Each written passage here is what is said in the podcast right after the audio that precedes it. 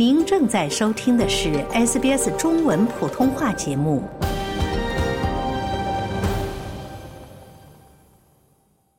从法律角度看待社会现象，以专家意见指点生活迷津。请听现场说法。现场说法，您了解法律、咨询问题的空间。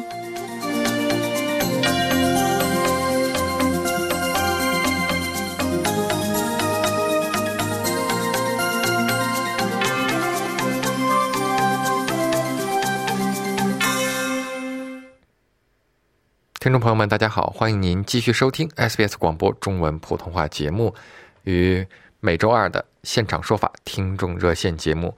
今天呢，想跟大家讨论的话题是关于在澳大利亚养宠物造成的伤害事件以及导致的相关法律纠纷。那么我们看到啊，这个昆士兰州有多起的这个狗咬人事件，以及包括我们看到今年二零二三年十一月啊，四人在布里斯班的附近被狗袭击，然后此外呢，二零二三年四月之前有多起狗咬人的事件，以及去年二零二二年十二月，一个抄表员在执行他的工作时候遇到了与狗的撕咬，那么最终也因为伤势过重而不治身亡。在这样的一系列事件看起来，尤其又到了最近的这个圣诞假期和我们马上就要迎来新年。AU Post 的派送员在派送途中呢，多次也有这个与狗接触的这样一个经历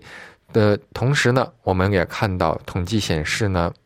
配送员被狗所伤害的案例有所增长。那么，尤其是在新州和昆州有所激增。那在这样一个情况下，在澳大利亚养犬会有这样的潜在危险，需要有什么样的法律？潜在风险，或者说我们有什么样的责任与义务应当去遵守呢？今天呢，我们也邀请到奥斯陆奥和绿业管理合伙人林慧明律师来为大家做出解答。林律师，早上好。早上好，浩飞，听众朋友们好。哎，你好。首先呢，我们看到啊，这个昆州啊、新州在今年确实也有很多起的这个狗咬人事件。那么，尤其是在最近圣诞节，而且马上要到新年了。那大家可能在家养狗，平时也并不会在意这些问题，但对于邮政派送人员来说，他确实是一位陌生人来到了这个家里，所以这样子情况下就会有一些被咬伤的风险，以及包括我们看到二二年十二月抄表员被咬死的这种事件。那么，狗袭击人的数据在今年是怎么样的一个情况呢？嗯，是的。呃，在圣诞节前夕啊，由于送货过程当中，包括您刚才讲的，主要是邮递员为主，那他们呢受到犬只类、狗类的这个袭击事件呢急剧的增加，那表示呢这个工种的邮递员啊，其实也在受到极大的这个威胁，因为他并不知道，呃，这个他要去邮递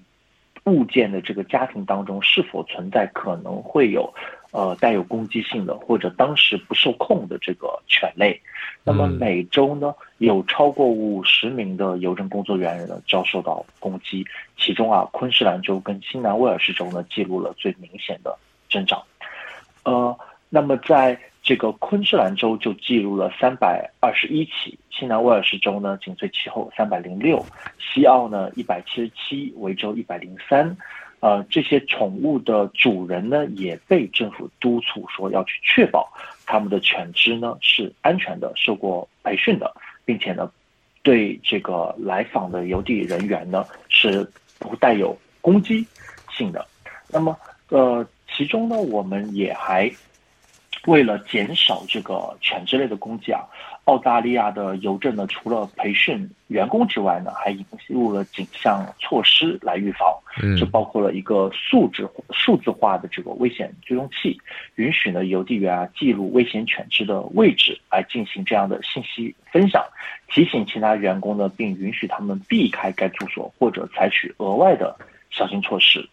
呃，其中呢有些兽医他们呢就表示说。呃，根据环境的变化，如家庭因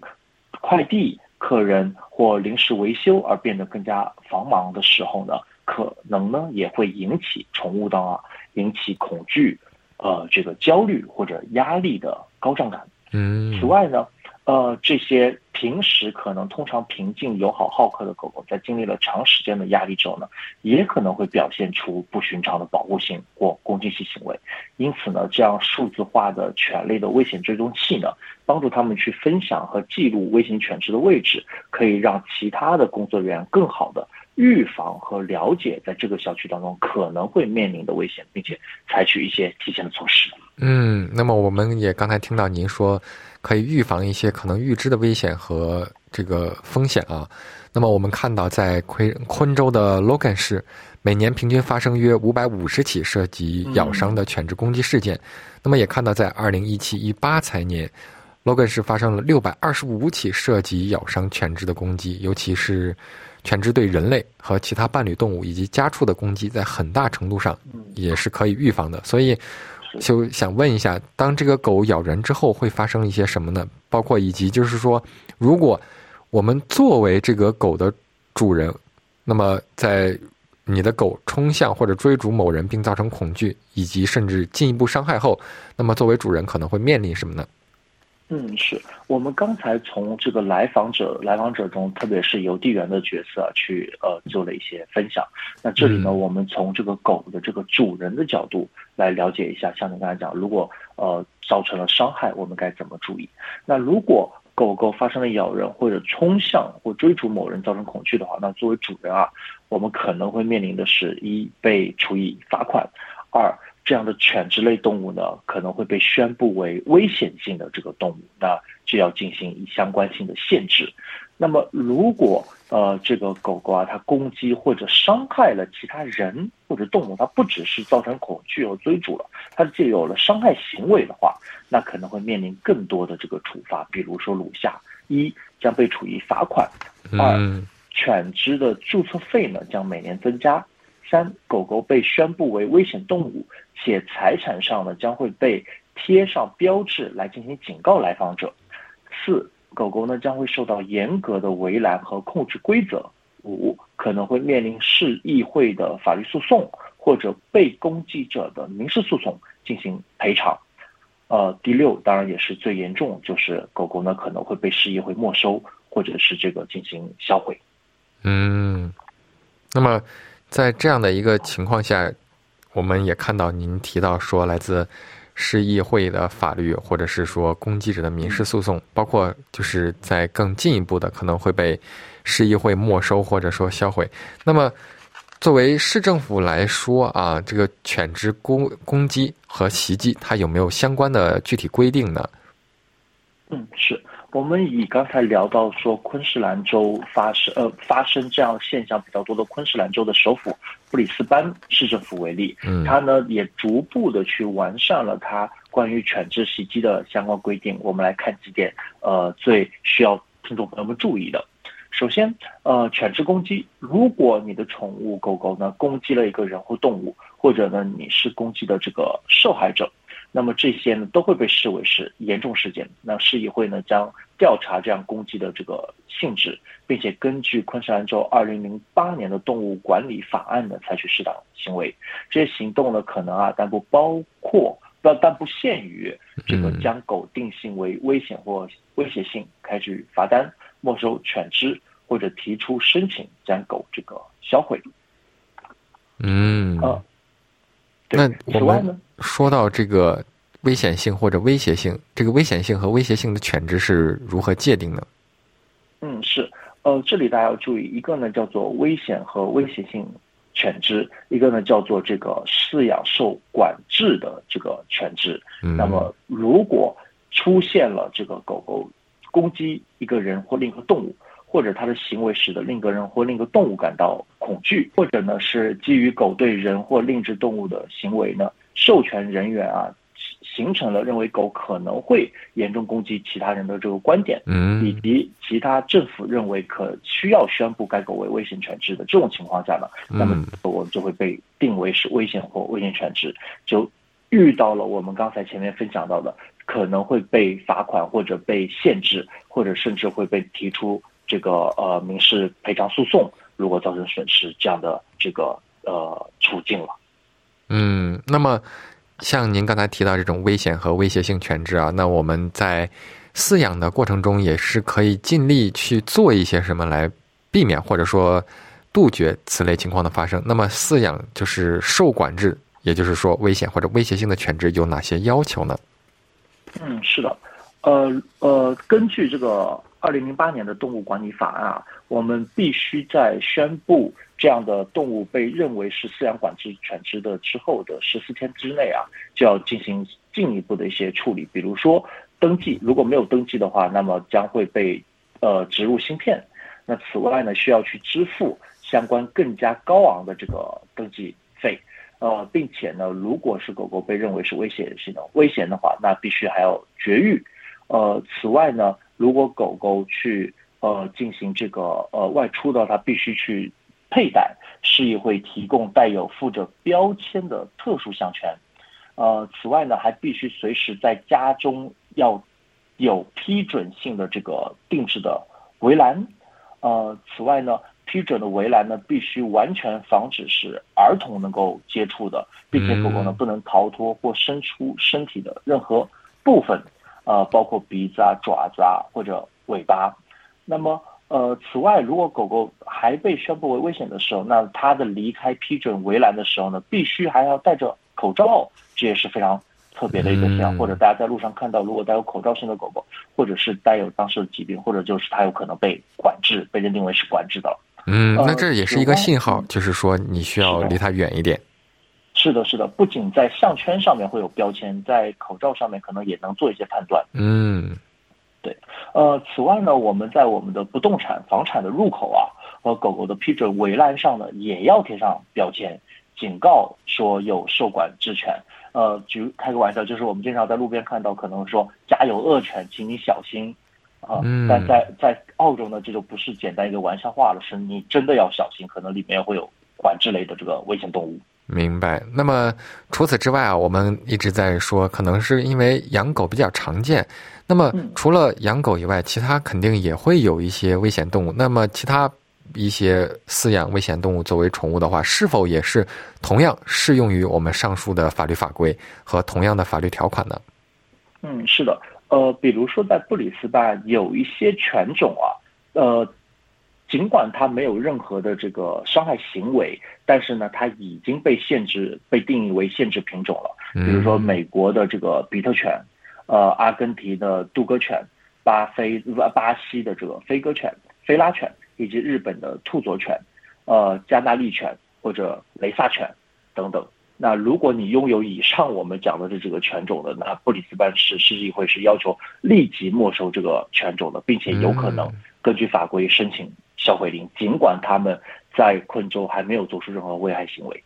嗯，那么这其实也是同样适用于其他除狗以外的这个危险动物的，对吧？嗯，是的。那除了狗狗以外呢？如果出现以下几种情况呢？此类动物也可能会被认为是受管制的动物，比如说发生了攻击人或其他动物的行为，或者呢是在授权人员、工作人员的意见当中，考虑到这只动物平时的行为存在合理的风险，认为它有可能攻击其他的人或者动物，也可能会被要求进行管制。再附上我们刚才讲的这些围栏啊、防护措施啊等等。嗯，非常感谢林律师啊，这个详细的讲解，也从不同的角度给我们解释了法律和相关的应当尽的义务和规避的潜在风险。那么稍事休息一下，快速回顾一下国内国际的重大新闻事件，稍后回来接听听众电话。听众朋友们，欢迎回来，欢迎您继续收听 SBS 广播中文普通话节目与每周二早上的。现场说法听众热线节目，在刚才的前一时段节目中呢，林律师从案例出发，结合法律知识为我们讲解了在澳大利亚养狗所需的注意事项，尤其是在昆州啊，需要有相关的法律和法规，以及遇到恶性犬或者是说遇到可疑的犬种，我们应当如何应对。接下来接听听众电话，第一位是，您好，这位应该是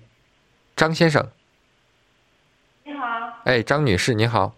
啊，你好啊，我想麻烦请问一下啊，律师，就是我是住在昆士兰州的布里斯班的啊，我想问一下，就怎么样的有哪几种方式就写遗嘱啊是有效的？那我听说就是说，是不是就一般来讲，就是有两个呃 witness 就可以写律写那个遗嘱了？还有一个呃 public trust 好像也有免费提供写遗嘱的吧？我就想请问一下律师，就有哪几种方式写遗嘱是有效的？谢谢。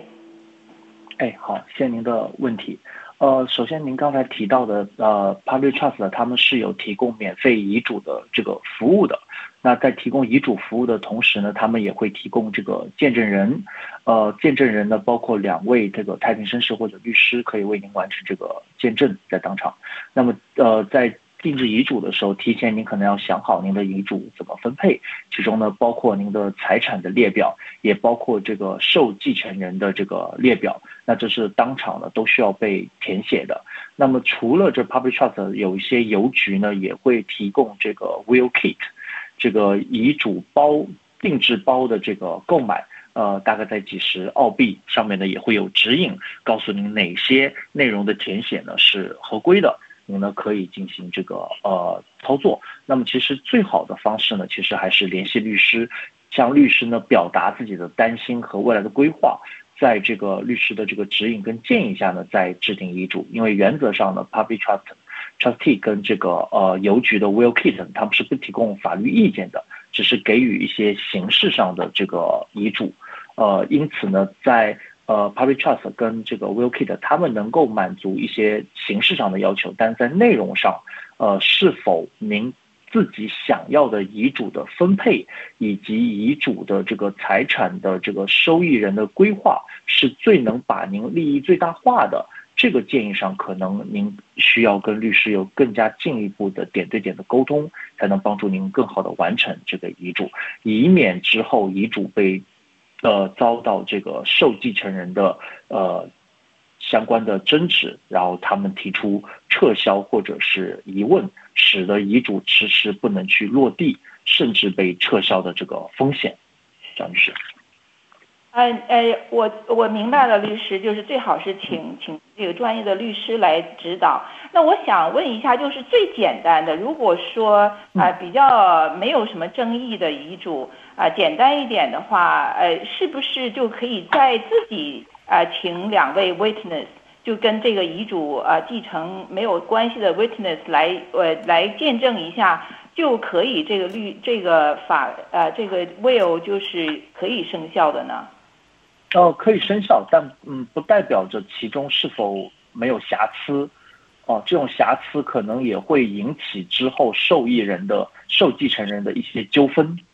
呃，然后呢，也他们呢可能也会对，当然您说最简单的方式，这也是成本比较呃最低的方式，但是成本最低的方式往往也会存在一些瑕疵跟小尾巴，引起以后受继承的一些纠纷。那包括这些。呃，遗嘱的保存的这个问题啊，因为原则上是要原件保存的，包括这个见证人他是否知道自己在履行一个这么重要的见证的这个事宜啊、行为啊，这也是非常重要的。嗯，好的，谢谢您，感谢张女士的咨询。嗯，接听下一位听众电话是王先生，王先生你好，是我吗？哎，是您。啊，这个律师，那个主持人好，我两个问题啊，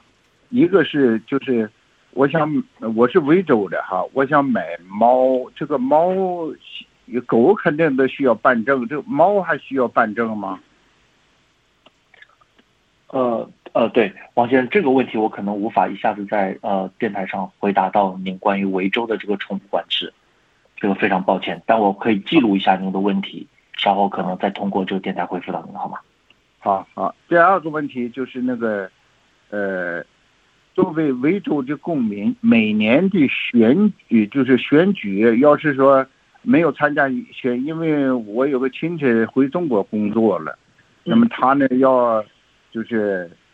就是选举的话，他公民澳洲的公民选举说没有参加选举，将会出现罚款。我想问一下，作为维州公民，每年都有什么选举必须的？对，呃，主要是两大类啊。第一大类就是，哎，我们前段时间遇到的，呃，立宪的这个改改宪，这个呢是当发生这个动议的行为的时候，可能会发来通知，说全民呢就要去参加这个选举。这个呢可能是呃非规则性的，我们无法直接去判断的。根据每年的这个法案或者动议呢会有所不同。呃，类似于前段时间的这个改线。呃，还有一个呢是类似于每个区的对于这个区议员进行的这个选举。呃，这个呢是可以有一定的这个判断性的。如果拿不准这个时间的话，可以在长期离境之前啊，先前往当地的这个议员办公室呢，进行这个他们时间上的这个咨询，以及询问可能能做的替代性的远程投票的这个选项。那得到这些之后呢，可以进行一些远程出行、长时间出行的这个规划。那当然，如果错过了，已经错过了之前的一些选举投票的话，呃，如果有不可抗力的一些理由或者即便理由的话，也可以进行提出，也可能会受到一些这个罚款的一些豁免。王先生，哦，就是说，呃，您比如说住在哪个区，这个区每年都要搞选举，那么都得参加这个投票，是这个意思吗？呃，它并不一定是每年，但它肯定有相对的规律性的。那当地的这个呃区域员呢，可能能给到您相关的时间列表，好让您做一个出行规划。那么，你像澳洲四年每四年选的那个总理的话，这个必须的吧？对，是的。啊，别的就是第一个就是你说宪法有什么修改，就是那个原住民那个事儿是吧？这个都必须是的。对，是。嗯，好的，好，感谢王先生咨询，权选举义务。嗯，感谢您的咨询，哎，谢谢。我们稍事休息一下，稍后回来继续接听听众电话。欢迎您继续收听 SBS 广播中文普通话节目，让我们继续接听听众电话。下一位是杨女士，杨女士你好。哎，你好，主持人好。哎，您说。你好。啊。我我想请问一下，就是我想买一个房子，然后我想写我儿子的名字，但是他是一个未成年人，就只有十一岁。我想问一下，法律对于这一方面有什么限制吗？嗯，是的，谢谢杨女士您的问题。那如果是十一岁的话，他可能还不会被认定为有完整的民事行为能力，无法直接去履行合同的权利跟义务，也无法完成这个产权登记。所以可能呃，这个方案你可能要等到他相对成年的时候再考虑。就是一定要等到他十八岁以后是吗？对，但是呢，呃，对，产权登记是的，但是呢，您可以考虑有信托，然后您是受托人，然后他是受益人，他一样看可以考虑可可以享受这个受益方面的权利。但是这样对那个房子房子的名字。还是需要，就是还是不能写他的名字，就算是以信托的形式也是不可以的，对吧？对他可以做受益人，但他依然不能做产权的这个所有人。嗯嗯。因为他不能完成合同的签署，因为他不具备自主的民事行为能力。嗯嗯，好好，谢谢，明白了，谢谢。哎，嗯，好的，感谢杨女士的咨询。下一位听众电话接听，这位是龚先生，龚先生你好。啊，你好，主持人好啊！哎，你好，好，你好。好呀，刚刚好，我呃想请教林女士关于狗打架的问题。啊，就段前段时间，我的一个亲戚，他两只狗和在遛狗的过程中，和别人的一只狗在打架，把人家咬伤，咬得很厉害。但是事情是这样的，我们是正常在路上一起呃遛狗，然后那只狗从一个院子里，可能没。关门没关好，或者什么原因，它冲出来，首先对两只狗发动攻击，然后最终由由于敌不过，我们两只狗被咬了很重很重的伤，所以现在我们很担心，呃，由于这个情况的责任是在哪里？第一，第二，会不会有关部门会采取某些规定、限制，甚至制裁我们两只狗呢？嗯，好的，谢谢您的问题。那么，如果我们知道，如果是人与人打架的话，那么包括警方或公诉认为这是个伤害案件的时候，他们就会查得很细，说是否有不正当正当防卫啊，是否有防卫过当啊，是否有挑衅行为啊，以及这样的呃这个防卫行为是否是呃在挑衅行为下做出，所以反而挑衅的人伤害了更大的行为啊，因为这是人与人之间的，他的这个举证责任啊、举证义务啊更加的高。包括呢这个疑点利于卑于这个被告啊等等的法律精神都在里面。但狗与狗当中呢，它往往呢不会说把这个举证责任啊放到那么高。那么经常呢会以结果为一个导向，比如说，呃，您家的两只狗是被别的狗狗挑衅的，但是挑衅的狗狗可能它本身不具备危险、危险和威胁性，它可能只是挑衅或者玩耍，但是呃，这个工作人员或者其他的人他并不知道，呃，也无法判断说这只狗有危险性。但是如果一只狗狗在结果上，在行为上，确实能对另一个人或另一个狗狗造成如此大的这个伤害的话，从这个结轨行为上来看的话，它可能会被面临遭受这个限制性，或者我们刚才讲到的这个呃饲养管制啊、危险性的这个定义啊等等，可能会面临到这个环节，呃，因为可能不会花费太多的行政成本去。举呃有这么高的举证责任去证明两只狗狗遇到了怎么样的挑衅或者刺激，所以发出了呃与平时完全不一样的这个不常规的一个呃伤害行为来保护自己，这样的举证责任可能比较难。哦，那么因为是这样，因为遛狗，我们那两只狗遛狗呢，是我亲戚的两只狗啊。遛狗的时候，他们因为工作很忙，平时呢就请专职人员来遛狗的，每天两次。这这个遛狗公司的专职人员遛狗的，他不是他完全他也受到伤害，因为另外一只狗也对那个人也可能有一些轻微的有伤对。然后呢，当然是那个狗是跳过围墙，据他所说啊，跳过围墙。进，首首先攻击我们正在行正常行走的那两只狗，然后因为两只狗最后呢，也就是说成了这个结果，所以说。呃，我们现在跟那个那个受伤狗狗的主人在联系，他也可能，呃，不想理会我们，也不知道什么原因，总是没法沟通上。我就我的亲戚就很担心，因为他是丁克族，他把两只狗看得像小孩一样，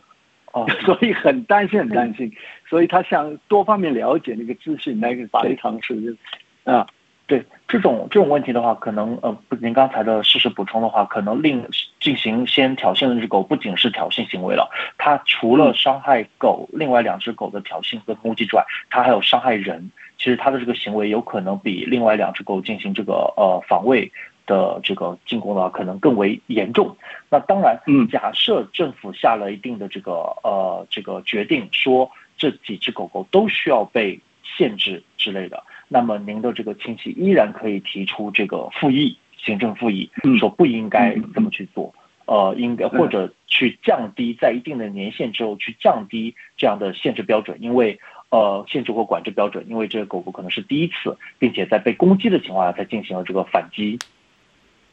啊，因为因为我我们那两只狗，亲戚两只狗是拴着绳子拉着绳子的。完全是正怪在行走在路上，嗯，突然他跳过来，首先，因为他肯定是在攻击，否则会不会不会他引起两那两只狗向他打架的感觉，然后呢去那遛狗那人去拉，然后那狗也把他咬伤了，手指咬伤了，这个意思，嗯，我就就说他很担心，我我那个亲戚很担心。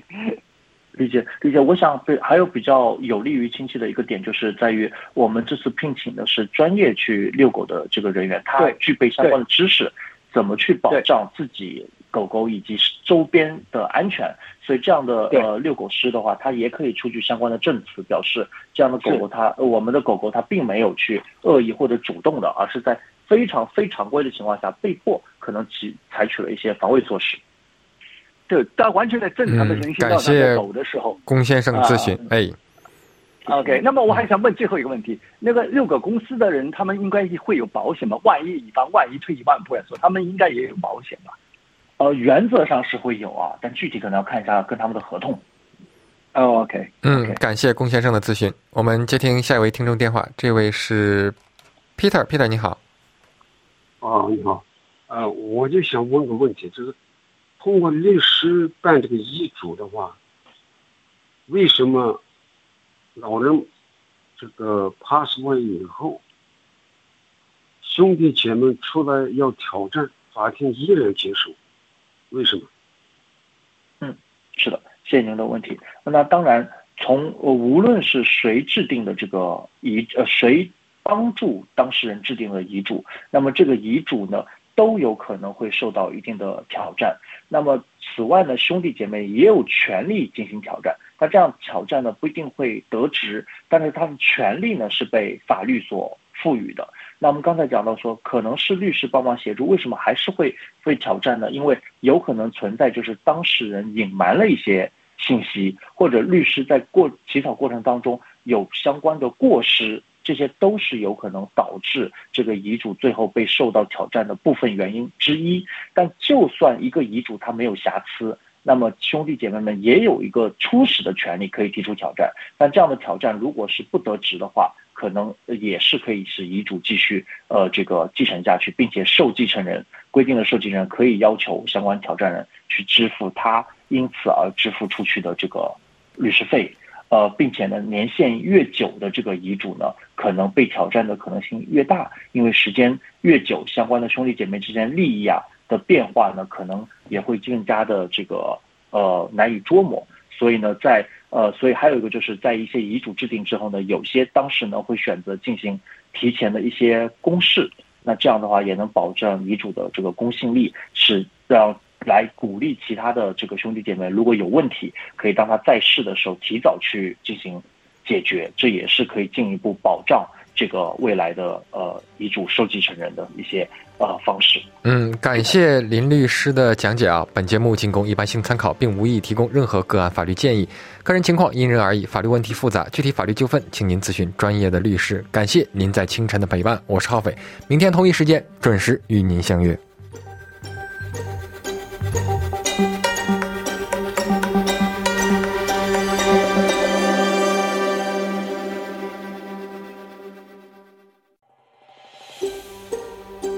想听到更多这样的故事吗？您可以通过苹果播客、谷歌播客、Spotify，或者您喜爱的方式下载收听。